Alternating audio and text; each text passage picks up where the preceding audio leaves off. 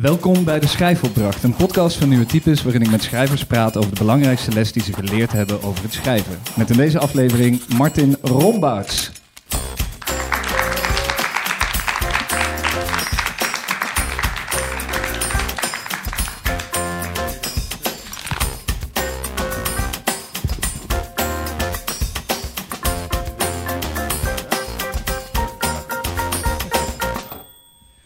Hallo Martin. Je mag zitten waar je wilt. Het is een hele grote bank, maar de andere bank was al gestolen door eh, de mensen van golflengte. Oh ja. Die was wat kleiner, was wat gezelliger geweest. Maar... Nee, ik vind het wel prettig. Ik ben dus drie jaar lang bang voor jou geweest, hè? Kan je daarmee beginnen? Nee, ik weet niet. Ja, jij hebt er namelijk op creative writing gestudeerd. Ja. Vertel. Ehm, en daar was ik drie jaar bang voor Dennis. Ehm, omdat Dennis altijd heel nors door de gang loopt. Eh, ik weet niet precies naar wie ik praat. Ehm, eh, heel nors door de gang loopt. En eh, ik ben altijd heel erg van het eh, vriendelijk lachen naar iedereen. Omdat ik bang ben dat iedereen me stom vindt. Ehm, eh, en Dennis deed dan niet echt terug, maar die deed meer zo'n soort van... het is een audiomedium, maar... Dat is het geluid van mijn nek die zeg maar een klein stukje omhoog beweegt en naar beneden. Dat doet Dennis dan. En daar kreeg ik te weinig positieve feedback uit om zeg maar daarna me nog prettig te voelen. En daarom ben ik heel lang bang voor jou geweest. Heeft die angst je nog wat opgeleverd? Ehm nou, dat ik je uiteindelijk in mijn laatste jaar heb gekozen tot mijn eh afstudeerwerkbegeleider. Ehm, en dat, die angst was daarin heel goed. Ehm, omdat ik daardoor eh, eh, dingen afmaakte. Nou ja, nou, daar gaan we het straks zeker ook nog over hebben. Over dat dingen afmaken. Wil jij een stukje voorlezen? Ja. Ik werd vorig jaar zomer werd ik gevraagd door Hard Hoofd, het internettijdschrift, om een tekst te schrijven voor hun eh, zomerboek. Eh, en dat eh, moest een utopie zijn. Ehm, en mijn utopie heet Pilletjes. Een pilletje waar je het een beetje warm van krijgt. Een pilletje. Een pilletje tegen tandenknarsen. Een pilletje waardoor je een lekkere geur zweet. Een pilletje tegen de heimwee. Een pilletje waardoor je niet meer zo moe bent. Een pilletje waardoor je makkelijker klaarkomt. Als je dat wil, of juist moeilijker. Mijn tante dacht vroeger dat ze verliefd was op iedere man waar ze opgewonden van werd. Een pilletje waardoor dat ook echt zo is. Een pilletje waardoor je daar geen last van hebt. Daar is een pilletje voor. Een pilletje minder snoep. Een pilletje straks pas honger. Een pilletje om de afgelopen 24 uur uit je geheugen te wissen. En een pilletje om de aankomende. Een pilletje tegen keelpijn van de airconditioning. Een pilletje stoppen met snurken. Er is een pilletje tegen menstruatiepijn. Een pilletje tegen de menstruatiepijn dat ook daadwerkelijk voor menstruatiepijn ontwikkeld is. Een pilletje dat je stem wat dieper maakt. Een pilletje waardoor je sneller vreemde talen leert. Een pilletje waardoor het stil is om je heen en in jezelf dan neem je toch een pilletje. Een blauw pilletje, een roze pilletje, een zwart pilletje, een blanco pilletje, een regenboogpilletje, een rood pilletje. Een pilletje om bij te stofzuigen. Een pilletje tegen katers. Een pilletje om met de herinnering aan je vader te praten. Een pilletje waardoor vegetariërs tegen vlees kunnen. Er is een pilletje waardoor je op je rug kan slapen en binnen vijf minuten in slaap valt. Er is een pilletje waardoor je s'nachts minder urine aanmaakt, waardoor je niet naar de wc hoeft. Een pilletje waardoor je s'nachts niet de deken steelt. Een pilletje waardoor hij s'morgens Lady Grey voor je maakt terwijl je onder de douche staat. Dat hij s'morgens eigenlijk wel Lady Grey voor je, voor je wil maken terwijl je onder de douche staat. Maar dat vergeet hij altijd, omdat hij niet zo goed is in opstaan. Als het kon zou hij eeuwig snoezen. Een pilletje waardoor je het kan, durft, doet, contrastdouchen. Of een pilletje waardoor je de gezondheidsvoordelen van contrastdouchen krijgt, de helderheid van geest ervan. Een pilletje waardoor je minder zweet. Een pilletje waardoor alles naar haar nachtzweet ruikt. Een pilletje waar je minder bang van wordt. Een pilletje tegen tandbederf. Een pilletje waardoor je er geen last van hebt dat je naar bed gaat met iemand waar je niet mee naar bed wil. Een pilletje waardoor je niet meer schuldig voelt. Een pilletje waardoor je opeens heel erg boos kan worden wanneer je dat nodig hebt. Waardoor je de waarheid zegt wanneer je dat nodig hebt. Misschien is dat hetzelfde pilletje als die ene waar je minder bang van wordt. Een pilletje waardoor je minder intens droomt.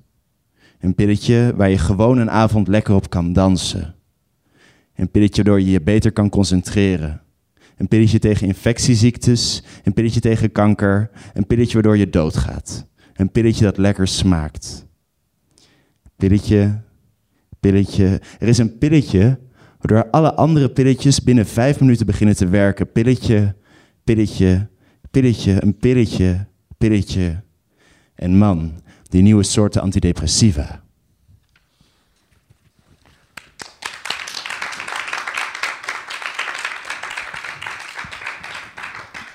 Kijk, ik heb jouw afstudeerwerk Oh. bij me. Dat vond, leek me leuk.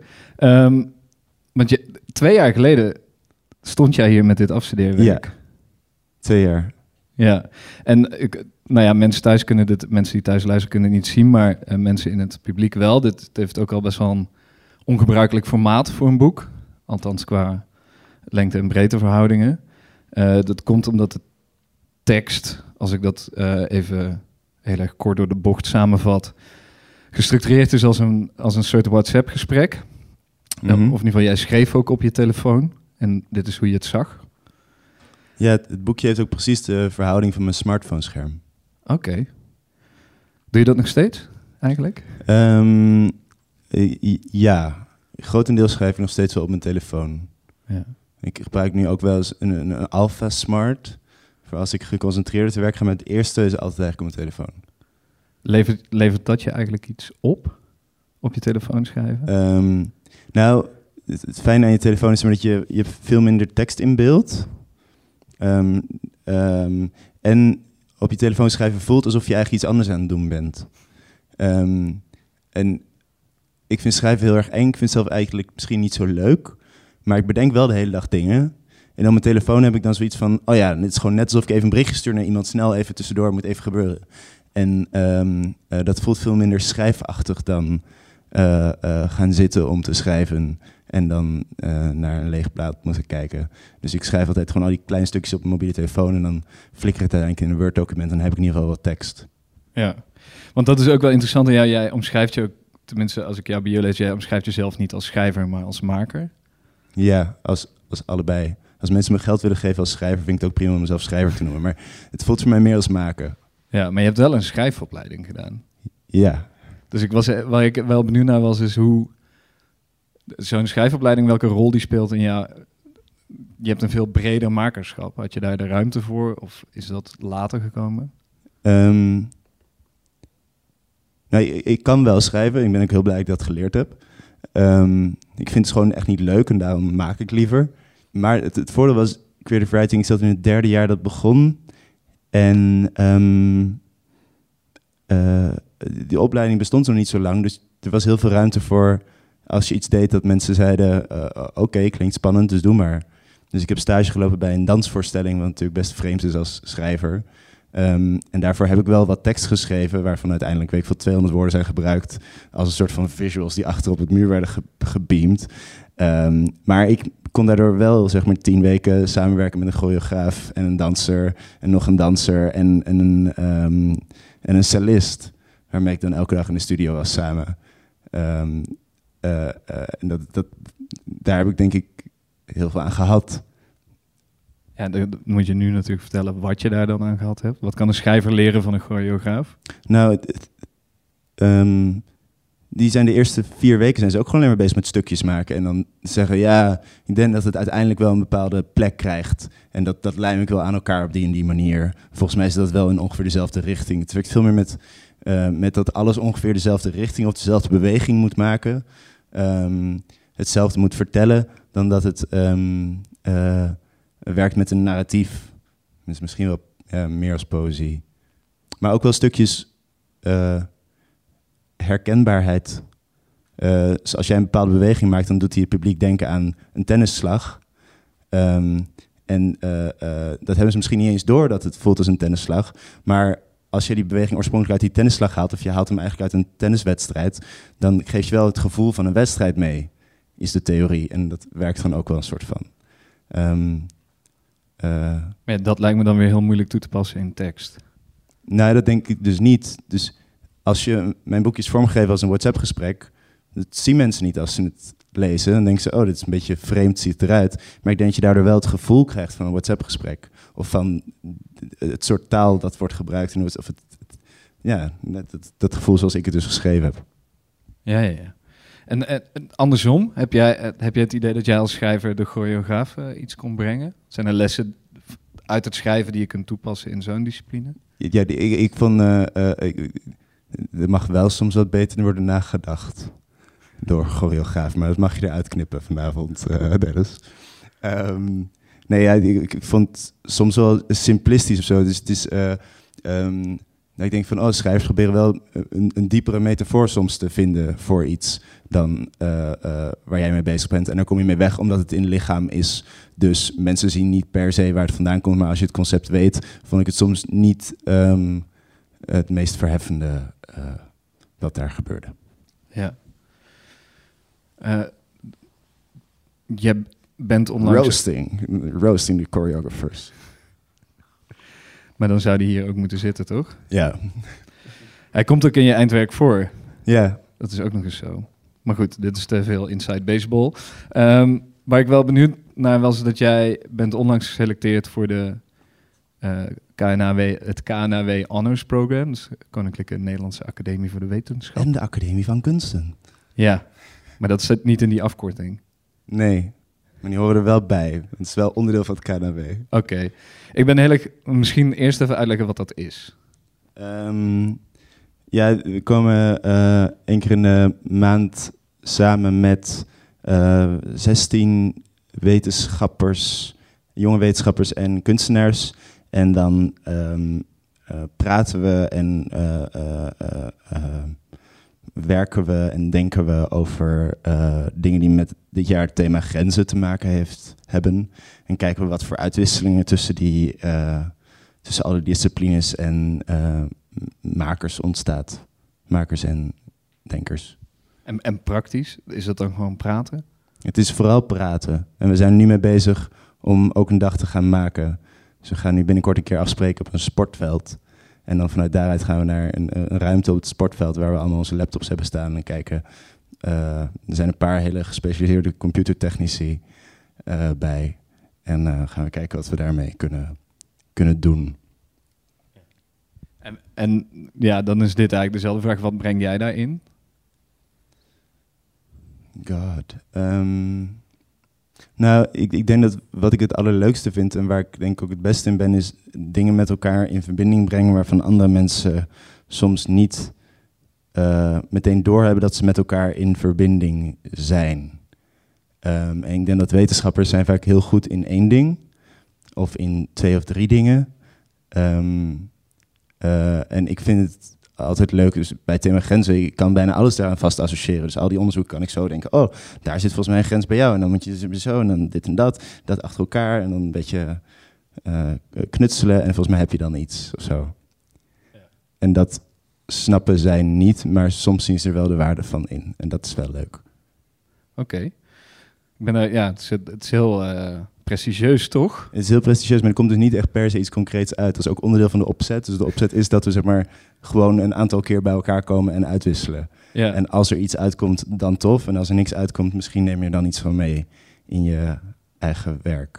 Maar dat lijkt jou, lijkt jou op het lijf geschreven dat iets heel prestigieus is, maar dat er niks uit hoeft te komen. Wat bedoel je daarmee?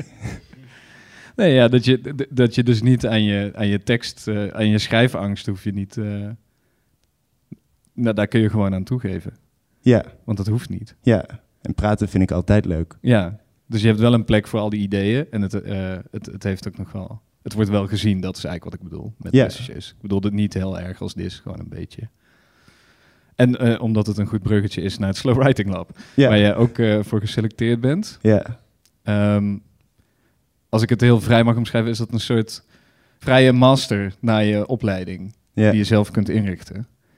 En dat, dat is natuurlijk wel interessant in dit opzicht, omdat we het hebben over leerbaarheid van schrijven en, en wat, wat zijn dan die opdrachten. Maar jij krijgt nu de kans om, anders dan op de academie, gewoon je eigen coaching in te richten, bijvoorbeeld. ja.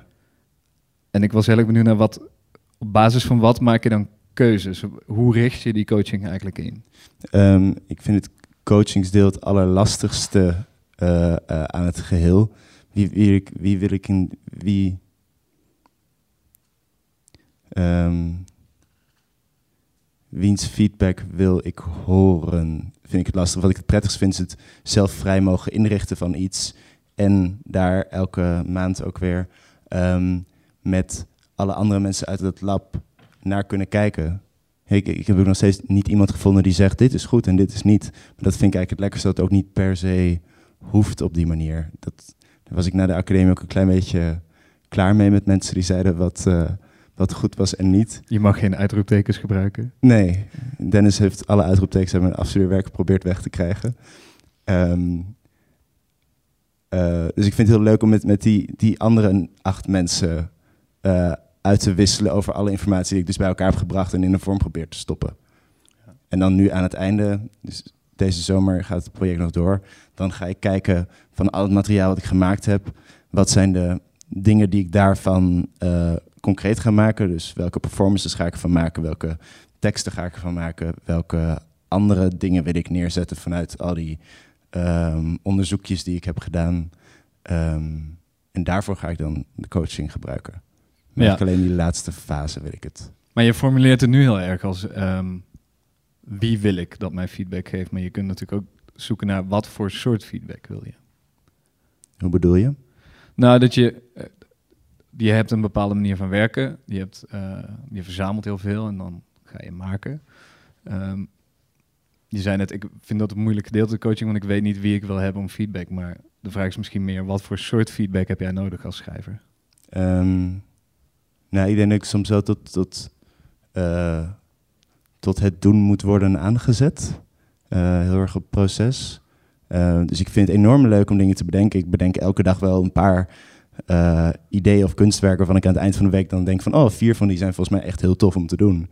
Misschien zou ik dat moeten uitvoeren dat uitvoeren ben ik van nature absoluut niet toegeneigd. Nee. Dat vind ik ook echt ver weg het minste leuk. Het duurt, duurt, heel veel tijd, je raakt heel gestrest van. Je gaat er van elkaar klemmen s'nachts. Je, uh, je krijgt een hekel aan jezelf. Je uh, hoofdpijn, je moet een beetje zo voorover gaan zitten, dus je schouders worden helemaal vast. Um, dat vind ik gewoon niet zo leuk. Nee, eigenlijk zou je een soort Andy Warhol Factory-achtig idee moeten hebben. Ja, ik wilde ook eigenlijk heel graag stagiaires aannemen dit jaar van het geld van het Slow Writing Lab. Maar ah, ja. dat heb ik niet gedaan, want dat moest ik concreet maken en heb ik toen niet gedaan. Dan zou je daar weer een stagiair voor moeten aannemen. Ja, eigenlijk wel, ja. Dan zijn er mensen in de zaal die zich geroepen voelen om stagiair te worden bij Martin. Nou, Stan. Stan is heel goed in dingen uitvoeren en structuur aanbrengen. Dus ik denk dat dat goede matches. Uh, zoek elkaar even op. Zoek me straks op. Ja. um, dat is misschien wel een mooi moment om naar uh, vragen uit de zaal te gaan. Zijn er vragen uit de zaal? Nikki. Nou ja, je zei net van ik vind het idee bedenken het leukst. En ik ben er het afgelopen jaar achter gekomen dat er dus mensen zijn die alleen stap 1 van het makersproces doen. En die noemen zichzelf conceptontwikkelaars. Daar verdien je ongeveer nou, 5 tot 10 keer zoveel mee als maker zijn. Dus waarom word je geen conceptontwikkelaar? Ja, Um, mijn, mijn lievelingsschrijver uh, heet Edouard Levey en zijn uh, um, het boek wat ik het gaas van hem met heet uh, Oeuvres, in het Engels vertaald als Works. En het, het is een opsomming en staat puntje 1 en het is a book that describes works that the author has conceived of but not put into being. En dan gaat het volgens 537 ideeën door die hij wel heeft bedacht, maar nooit heeft uitgevoerd. Um, uh, dat zou ik heel graag nog een keer willen maken. Heeft al gedaan, maar dat, dat uh, ja, misschien moet ik toch heel rijk worden. Dat kan ook. Het is eigenlijk het tegenovergestelde van Kno, die één ding heel vaak doet. Ja. Uitvoert. En dan, ja. Wat ook wel een rol speelt in jouw schrijven, en daar hebben wij het wel eens over gehad, is um, jij bent tijdens de opleiding ook erachter gekomen dat je ADHD hebt. Of zeg ik dat verkeerd? Uh, weet ik nooit precies. Uh, uh, ADD, ja. ADHD subtype 3 van het dromige, of 2 van het dromige, van het dromige soort. Ja. Heeft dat, heb, je, heb jij de, zijn er voor jou bepaalde regels nodig om daarmee om te kunnen gaan, om te kunnen schrijven? Wat bedoel je precies met regels? Nou, um, heb, heb, ja, eigenlijk misschien een soort trucjes of zo. Dus ik sprak um, Eva Mouton, Vlaamse illustratrice, ooit over werk maken. En zij zei eigenlijk, de truc om kunstenaar te zijn... is dat je elke keer jezelf voor de gek houdt dat je kunst kunt maken. Dus dat je een bepaalde uh, eh, ja, je, jezelf zo voor de gek houdt dat je het dan toch al aan het doen bent. En dat, daar herken ik me wel in. Ik gebruik, dit, ik gebruik dit citaat dus heel vaak, maar dan dicht ik het toe aan jou. Ah ja, nee, het is van Eva Mouton. Ehm, ik ben het er wel hardgrondig mee eens. Eh, en ik vroeg me af, dat, dat, dat, ik kan me voorstellen dat als je eh, bijvoorbeeld f- focusproblemen hebt of zo, dat je dan ook dat soort trucjes moet verzinnen om jezelf tot schrijven te zetten. Dus bijvoorbeeld wat je, wat je omschrijft als op je telefoon typen, eh, omdat het dan niet voelt als schrijven, dat is natuurlijk precies zo'n trucje als Ja. Eva Mouton bedoelt. Maar ik vraag me af, misschien is het ook helemaal niet zo, hè? Of die ADD daar dan nog een laag bovenop legt die het moeilijker maakt om te schrijven. Ehm, ja. ja, ADD is natuurlijk, zeg maar, het is een, eh, ehm, eh, dat is hoe mijn hersenen werken. Dus dat beïnvloedt sowieso hoe ik leef en dus hoe ik werk maak. Eh, dus ik weet niet of ik het anders zou kunnen als ik geen ADD had, want dan was ik mezelf niet meer, zoiets.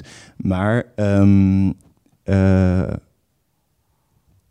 ik werk heel goed onder stress bijvoorbeeld. Ehm, dus het zit me ook wel vaak in de weg, maar ik kan dus heel goed onder stress kan ik heel snel dingen doen. Maar als ik een dag heb, dan schrijf ik hetzelfde als wat ik zeg maar in een anderhalf uur zou doen als ik zeg maar die deadline heb. Of dan stel ik het gedurende de dag de hele tijd uit en dan doe ik het daarna alsnog in anderhalf uur. Ehm, ehm, dus mijn deadlines door mijn week heen spreiden is voor mij heel verstandig. Dat heb ik deze week helemaal niet goed gedaan. Ehm, maar dat is voor mij heel verstandig, want dan heb ik zeg maar een paar van die stressmomenten waarbij ik dan heel snel mijn werk moet maken en dan lukt het wel. Ehm, ja, smartphone schrijven werkt voor mij heel goed en heel veel stelen. Eh, als ik iets leuks zie, dan twitter ik het of ik eh, schrijf het in mijn notities. Ehm, en als ik dus ga schrijven, dan moet ik gewoon altijd mijn Twitter-kanaal teruglezen en mijn notities terugschrijven. En dan denk ik van, oh ja, hier zit nog wel wat, daar zit nog wel wat. Oh, waarschijnlijk had ik daar op dat moment dat idee bij. En daar kan ik nog wel wat. Ehm, samenwerken. Ik werk heel graag samen met mensen. Want wanneer kan ik dingen goed? Als ik, ehm, ik kan mezelf eigenlijk niet structuur bieden die ik nodig heb om werk te maken. Maar ik voel me wel heel loyaal aan andere mensen met wie ik samenwerk. Dus die wil ik dan niet teleurstellen. Dus dat levert een bepaald soort angst of spanning op of zo. Net als met het afstudeerwerk waar ik het eerder over had. Ehm, waardoor ik het dan toch doe. Of waardoor ik gedwongen mezelf dwing om concreet te worden en dingen uit te voeren. Ja. Dus in samenwerking kom ik altijd tot dingen omdat ik niet teleur wil stellen. En eh, dat, ja, dat doe je dus ook. Tenminste, een bekend trucje is dan om met mensen af te spreken. We sp- we gaan dan en dan daar zitten en dan gaan we schrijven. En dan een beetje. Ja, maar dat werkt voor mij eigenlijk niet eens zo goed. Het moet echt een project zijn waarbij ik samen Ah, ja. werk. Want als ik met iemand afspreek om te gaan schrijven, mensen vinden me altijd aardig. En dan eh, eh, vinden ze het helemaal oké dat ik een uur te laat kom.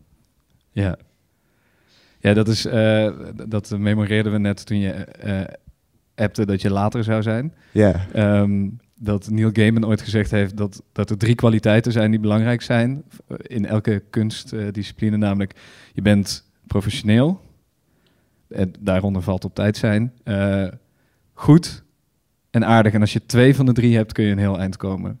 ja. En jij bent gewoon goed en aardig. dat eh, citeer ik ook heel vaak en dan dicht ik het toe aan jou. Oké. Nee, in dit geval is dat Neil Gaiman. Ik steel ook heel veel. Ehm, ja, dan, ik heb nog wel één vraag voordat we dan naar de schrijf... Oh, er is toch nog een vraag uit de zaal. Oké, Wat voor angst, soort angst komt er dan bij je op? Eh, Stel dat je op, met pen en papier gaat schrijven. Wat, wat, wat voor angst is?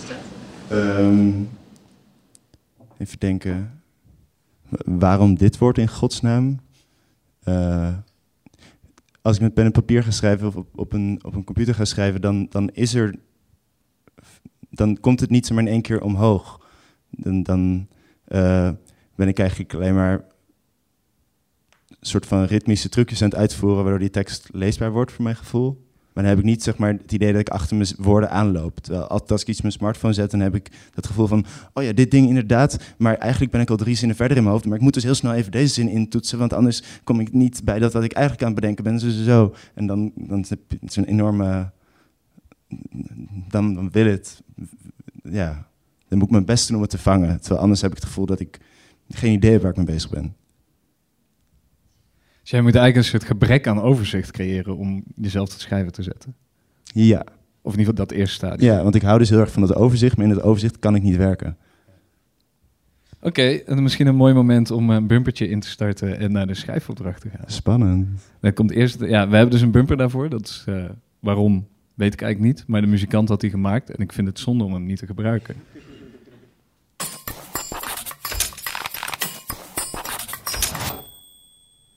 En dan nu, de schrijfopdracht. Ehm, ehm, ik vind smartphone een heel fascinerend ding. Ehm,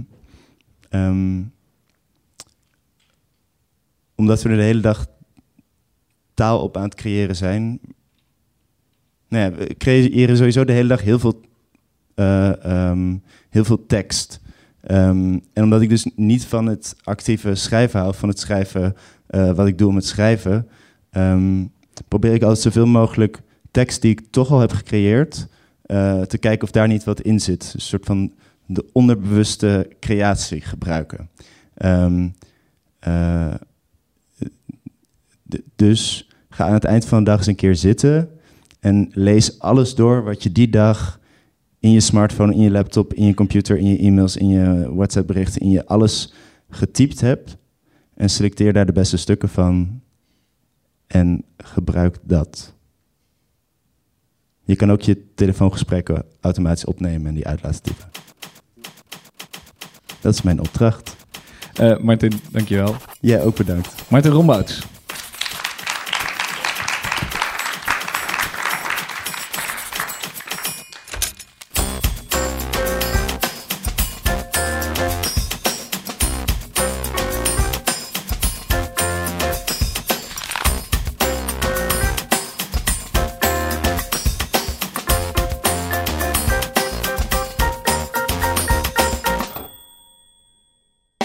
Dit was aflevering 4 van De Schrijfopdracht met Martin Rombouts. De Schrijfopdracht wordt geproduceerd door Ondercast voor het Nieuwe Types Festival. Deze aflevering werd live opgenomen tijdens dat festival in Theater aan de Rijn in Arnhem. Het programma werd gemaakt door Elke de Catus en de productie was in handen van Curijn Lokker en Anne Hemmer. Veel dank aan hen. Voor meer informatie kijk op nieuwetypes.nl. Vond je deze podcast tof? Laat dan een recensie achter. Of een hartje, of sterren, of wat het dan ook is in de app waarin je dit luistert. In ieder geval, laat het anderen weten. Mijn naam is Dennis Gaans. Bedankt voor het luisteren.